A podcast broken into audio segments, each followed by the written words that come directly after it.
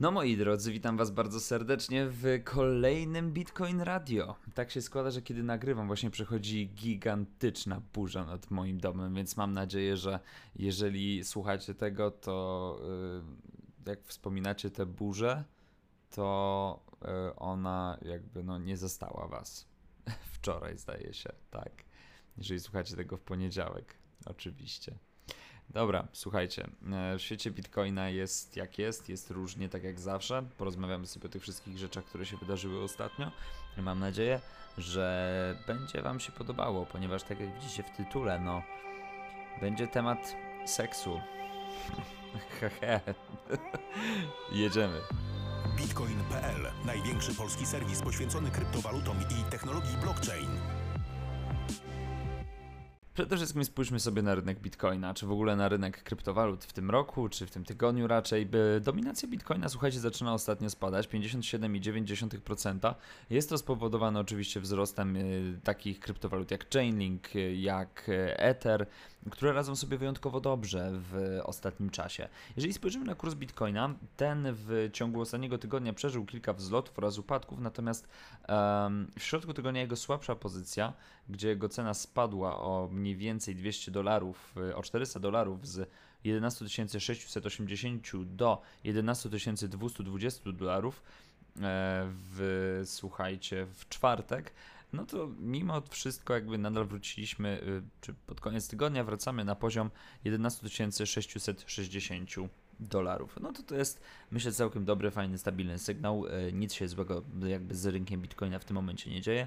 I na pewno wszystkie osoby, które są wielkimi fanami tego naszego króla kryptowalutowego uważają, że jest dobrze, jest stabilnie. No i przede wszystkim tak właśnie powinno być. Co natomiast dzieje się z Etherem? Ether w zeszłym tygodniu 391 zaczynał a kończy, słuchajcie, na 423, więc bardzo duży wzrost tejże kryptowaluty. No myślę, że Ether tutaj zdecydowanie bardzo dużo zyskuje na DeFi. E, temat cały czas dynamicznie się rozwija. Zobaczymy w jakim kierunku tak naprawdę to pójdzie, no bo są spekulacje, jest bardzo dużo głosów na temat tego, że DeFi to e, w obecnym stadium rozwoju bańka taka sama jak ICO, bez jakby realnych zabezpieczeń, bez e, realnego takiego e, jeszcze wzorca, czy jakby, czy jakby takiego prawdziwego powiedzmy zastosowania i takiego realnego zabezpieczenia. Mm, natomiast no jak dobrze już wiemy, w świecie kryptowalut wszyscy uważają, że są najmądrzejsi i uwielbiają inwestować w rzeczy, które są przede wszystkim niebezpieczne oraz ryzykowne. Dzisiaj będziemy mówić dużo o CBDC. E, czym są CBDC? To jest skrót, moi drodzy, od y, tak zwanych walut cyfrowych banku centralnego, czyli Central Banking czy Central Banks Decentralized Currencies. Jest to zagadnienie, które ostatnio zyskuje całkiem sporo na popularności um, i ono wraca, słuchajcie, od jakiegoś czasu. No, mowa o tym, że kolejne banki centralne w poszczególnych państwach um, starają się, czy jakby planują, powiedzmy, um, planują e, wypuszczenie własnej kryptowaluty, no to jest temat, który pojawia się niesamowicie często w ciągu e, ostatniego czasu. E, dlatego to, co możemy najlepszego zrobić, to oczywiście sobie o tym zjawisku pomówić, więc dzisiaj słuchajcie, no e, jakby spokojnie, temat o seksie będzie, ale yy, zaczniemy od CBDC. Więc to jest taki trójstronny, trójstronny news, czy jakby trójstronna informacja, która zaczyna się od tego, że 24 sierpnia Bank Rozrachunków Międzynarodowych opublikował raport. Raport, z którego wynika, że zainteresowanie CBDC wyprzedza Bitcoina. E, rzekomo nawet to zagadnienie ma stać się jeszcze bardziej nawet popularne w ciągu tego roku, a także w ciągu najbliższych 6 lat. W obszernych badaniach wykorzystano ponad 16 tysięcy wystąpień Banku Centralnego z ostatnich lat i oceniono istniejące projekty oraz motywacje stojące za wprowadzeniem nowego modelu finansowego opartego o właśnie cyfrowe waluty banków centralnych w różnych krajach.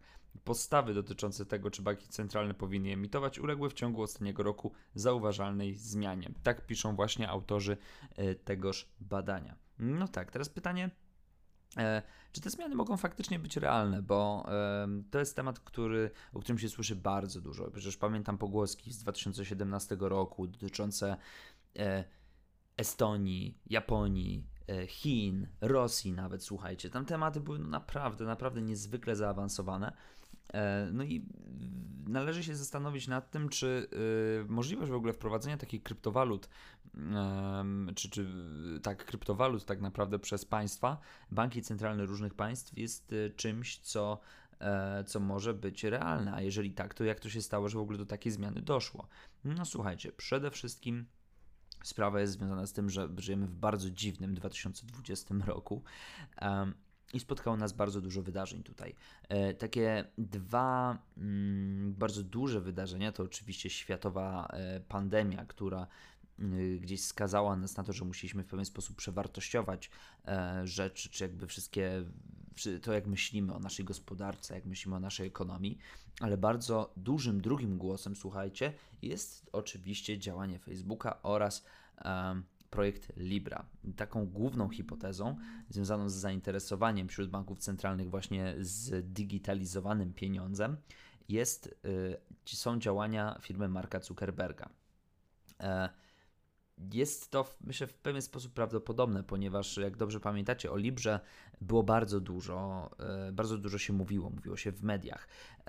I do tego stopnia stało się to, powiedzmy, ciekawe, że nawet y, państwa zaczęły studiować to, co tak naprawdę Facebook chce zrobić i co chce osiągnąć Librą, ponieważ jeżeli ten projekt zostałby wdrożony w tak gigantycznej skali, w jakiej miał być wdrożony, przypominajmy, no, że Facebook to jest gigantyczna korporacja, to jest, yy, to, jest, to jest medium, które tak naprawdę w pewien sposób steruje naszymi życiami. Gdyby Facebook wprowadził nową walutę, która pozwalałaby nam się na rozliczanie w najróżniejszej formie, e, w najróżniejszej formie za pośrednictwem tej platformy, ale też między sobą, no to mogłoby się nagle okazać, że pewien wirtualny pieniądz prywatnej firmy jest w stanie w sposób skuteczny zastąpić funkcjonowanie normalnym pieniądzem. I to jest tak naprawdę ten mokry kryptowalutowy sen, który śnimy od długiego czasu, że tak będzie wyglądała adopcja Bitcoina, no to Facebook mógłby coś takiego teoretycznie zrobić. Tylko problem jest taki, że moim zdaniem bardziej e, by to przypominało nie e, taką, wiecie, prawdziwą wolność, tylko ten scenariusz z emisją prywatnego pieniądza, który znamy z serialu Mr. Robot, gdzie wielka E-Corp, Evil Corp wyprodukowała po prostu swój własny pieniądz którym starała się kontrolować sytuację ekonomiczną w całym kraju, o ile nie na całym świecie. Mm, dlatego y, tu jest taki, taki wiecie, znaczek zapytania, jeżeli chodzi o tą Librę, natomiast no jest to, myślę, bardzo duży i istotny e, wpływ. Mm, bardzo też ciekawy komentarz, który się znalazł w komentarzu BIS-u, e, czyli to, że e, środki dystansowania społecznego, obawy społeczne, że gotówka może przynosić wirusa COVID-19, nie, to jest choroba akurat, moi drodzy. Nie, nie, nie. Autorzy tekstu COVID-19 to jest choroba. E, I nowe systemy płatności między rządami dodatkowo przyspieszyły przejście na płatności cyfrowe. Tak, to jest kolejny krok ewolucji, zwłaszcza w państwach wysoko rozwiniętych, gdzie ta infrastruktura informacyjna czy IT często jest dość przestarzała. No wystarczy spojrzeć na przykład na e, naszego sąsiada z zamiedzy, czyli na Niemców. E, tam mm, jakby ten sposób funkcjonowania gotówki jest cały czas bardzo, bardzo popularny i kartą na przykład nie zapłacimy wszędzie, co w naszej rzeczywistości polskiej wydaje się być wręcz no jakby nie do zrozumienia, jak to nie zapłacę w sklepie kartą. Musiało być coś być naprawdę niesamowicie dziwnego, a w lokalach to już, wiecie, w ogóle zapomnijmy. E, więc tak wygląda to z perspektywy BIS-u, tak wyglądają e, centralne banki, które chcą wyemitować kryptowaluty. Perspektywa słuchajcie, 6 lat jest naprawdę krótka i może to przynieść bardzo dużą rewolucję w tym, w jaki sposób będzie postrzegać się pieniądze na świecie. BIS zwraca uwagę na Stany Zjednoczone, gdzie we wczesnych wersjach kongresowych ustaw o bodźcach fiskalnych wspomniano o możliwości przyspieszenia wypłaty pomocy publicznej dla obywateli za pomocą cyfrowego dolara. W Holandii, Chinach i Szwecji banki centralne w czasie pandemii nadały wysoki priorytet pracom nad CBDC. Więc yy, widać, że bardzo trudna sytuacja światowa, globalna zdecydowanie może wpływać na to, jak ten cały proces postępuje. Tak więc wychodzi na to, że mamy bodźce. Pytanie, czy będziemy mieli realny postęp. I z tą sprawą, czy jakby w tej kwestii, pojawia się nam na horyzoncie nie kto inny jak e, Chiny. Chiny testują CBDC na małych transakcjach. Oznacza to, że są to już pewnego rodzaju mm, testy, e, testy praktyczne. Mm, komentarz w tej sprawie został udzielony przez Wang Penga, który jest adiunktem w Gaoling School of Artificial Intelligence na, Intelligence na Uniwersytecie Renmin. Na obecnym etapie głównym celem testu jest zapewnienie sprawnego i bezpiecznego funkcjonowania waluty cyfrowej oraz określenie sposobu dystrybucji CBDC z banku centralnego do instytucji finansowych. Tylko wtedy, gdy testy w handlu detalicznym zakończą się sukcesem, będą one przeprowadzone na dużych scenariuszach transakcyjnych. Fajne myślę też podejście, że zaczynamy od testów detalicznych, zaczynamy od małych transakcji, czyli skupiają się w Chinach na wyjściu od tego takiego punktu użyteczności, nie tego aspektu inwest, inwestycyjnego, e, czy, czy transakcji na wysokich wolumenach, tylko chcą sprawdzić przede wszystkim, czy chcą zrobić to tak, żeby te, e, te, te, te nowe środki, żeby CBDC w Chinach było przede wszystkim przyjazne dla no, użytkowników, dla konsumentów, dla osób, które po prostu będą, czy raczej powinny z tych środków korzystać najbardziej. Cyfrowy yuan może faktycznie być pewnego rodzaju rewolucją.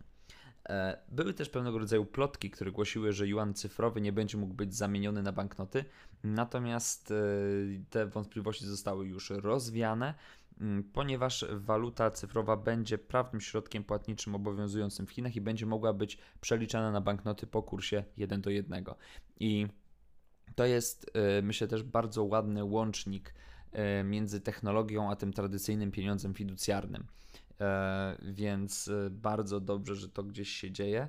E, I myślę, że faktycznie no, możemy dojść do takiej nowej formy tworzenia gotówki i jej w ogóle funkcjonowania, czy gotówki pieniądza w ogóle dzięki takiemu podejściu do cyfryzacji walut narodowych. E, pilotażowe testy waluty cyfrowej odbywają się w Shenzhen, Sushu, jest to wschodnia prowincja, prowincja Jiangsu, w Chengdu, e, to jest e, z kolei Sichuan, a także Xionyang New Era w prowincji, prowincji Hebei. Więc jak widzicie, testy są no kurczę, mają całkiem spory zasięg.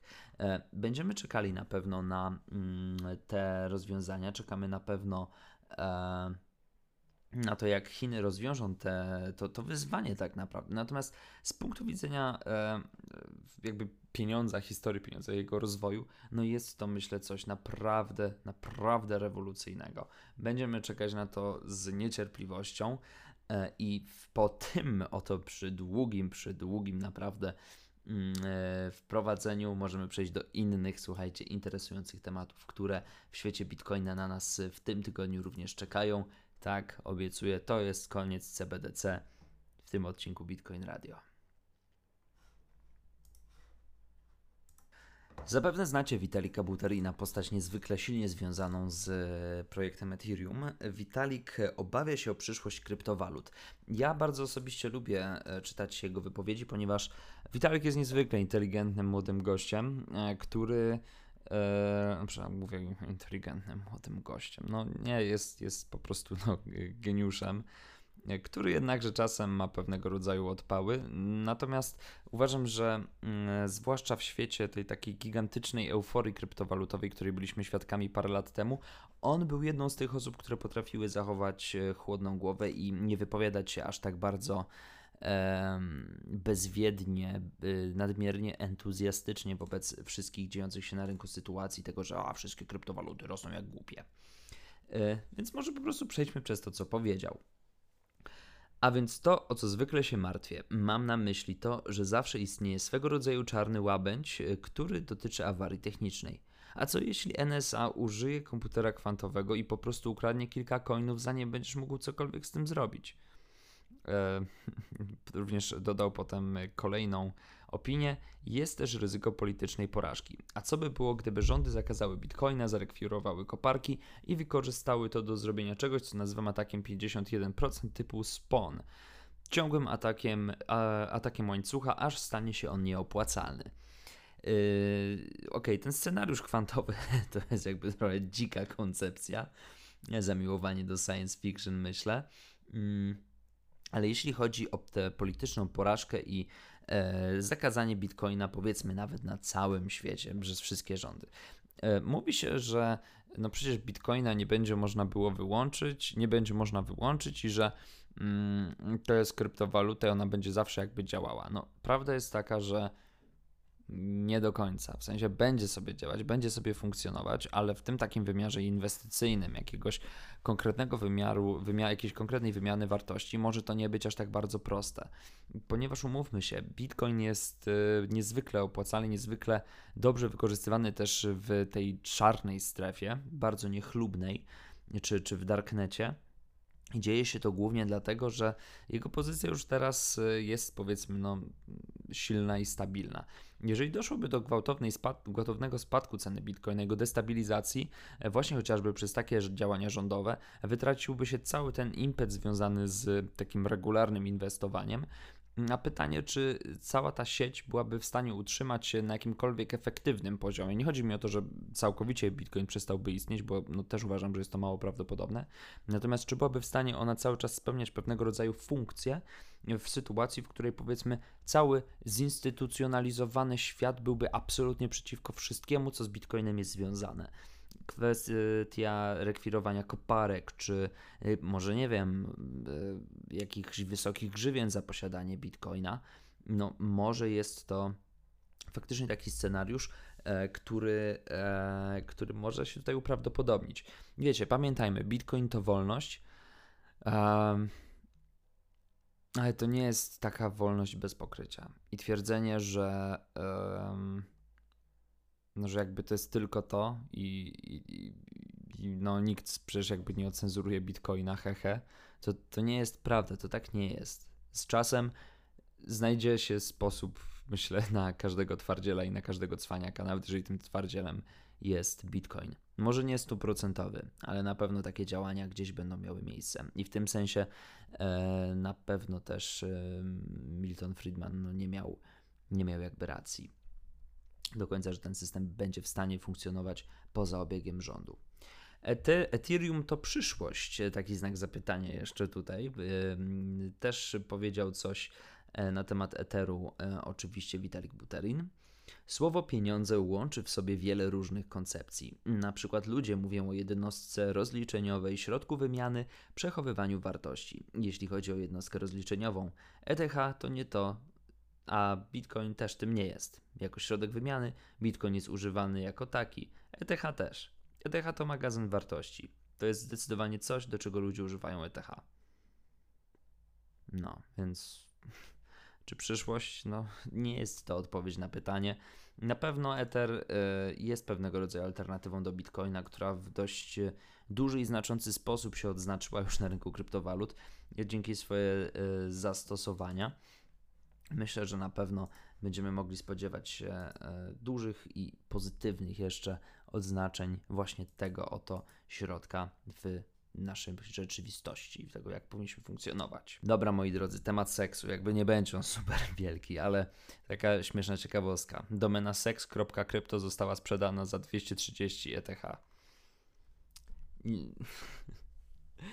No, no nie, no nie wiem, co mogę Wam powiedzieć. No, um, tak, y, kryptowaluty są wykorzystywane oczywiście w przestrzeni por, jakby biznesu, biznesu porno. Tak jest oczywiście na serwisach streamingowych. Na przykład e, środki są wypłacane e, streamerom i streamerkom e, z, najczęściej w postaci kryptowalut. Również często tipowanie odbywa się przy wykorzystaniu kryptowalut.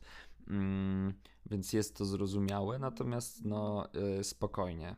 Pewnie są jakieś y, kryptowaluty, które opierają się na rynku e, na rynku pornograficznym. O, widzę, że jest coś takiego jak e, BDSM Coin, który kiedyś funkcjonował może.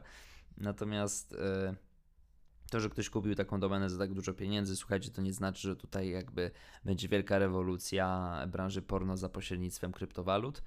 E, to nie znaczy, że teraz będzie trzeba robić e, sex coina, tak jak e, dla dentystów był specjalny denta coin, bo przecież jakby dentyści totalnie potrzebowali mieć swoją własną kryptowalutę. Więc hold your horses, pośmialiśmy się, hehe seks za 230 ETH. O właśnie, seks za 230 ETH. Może ta, tak, taki tytuł zostawimy. w, w nagłówku tego podcastu. E, przede wszystkim pamiętajmy o tym, że no, e, są rzeczy, czy jakby są elementy, czy branże, które funkcjonują zdecydowanie lepiej przy wykorzystywaniu takich półanonimowych środków jak Bitcoin, jak w ogóle kryptowaluty. I myślę, wydaje mi się, że um, to, to, jakby dobrze. No ja gdzieś uważam, że, że jestem zwolennikiem takiego dość wolnego podejścia, jakby dawania swobody, powiedzmy, e, w zarządzaniu, czy jakby w realizowaniu się, zwłaszcza e, w kwestiach, um, w kwestiach jakiegoś tam rozwoju zawodowego, czy przedsiębiorczości, niezależnie od tego, czy dzieje się to powiedzmy w branży spożywczej, czy w branży pornograficznej. Um, oczywiście, jeżeli jest to zorganizowane w sposób jak najbardziej etyczny i zgodny z obowiązującymi przepisami. Mm, dlatego takie funkcjonalne wykorzystanie, tak jak mówiłem, chociażby do, do, do tipów czy do wynagrodzeń, e, jest, e, jest myślę nie najgorszym rozwiązaniem. E, no i zobaczymy, co dalej gdzieś z tego urośnie. Może nie, za, nie wiem, 10 lat seks.krypto to będzie, wiecie, drugi Pornhub. Ale przy dobrej zabawie płynie świetnie czas, słuchajcie. Za moim oknem już nie ma piorunów, nie ma już deszczu, tak więc pogoda się nieco uspokoiła. No ja mam nadzieję, że wytrzymacie ciepło i bezpiecznie, no i że ten tydzień będzie dla Was jak najbardziej owocny, moi drodzy. Słyszymy się za tydzień w kolejnym odcinku Bitcoin Radio. Do zobaczenia albo do usłyszenia. Hej!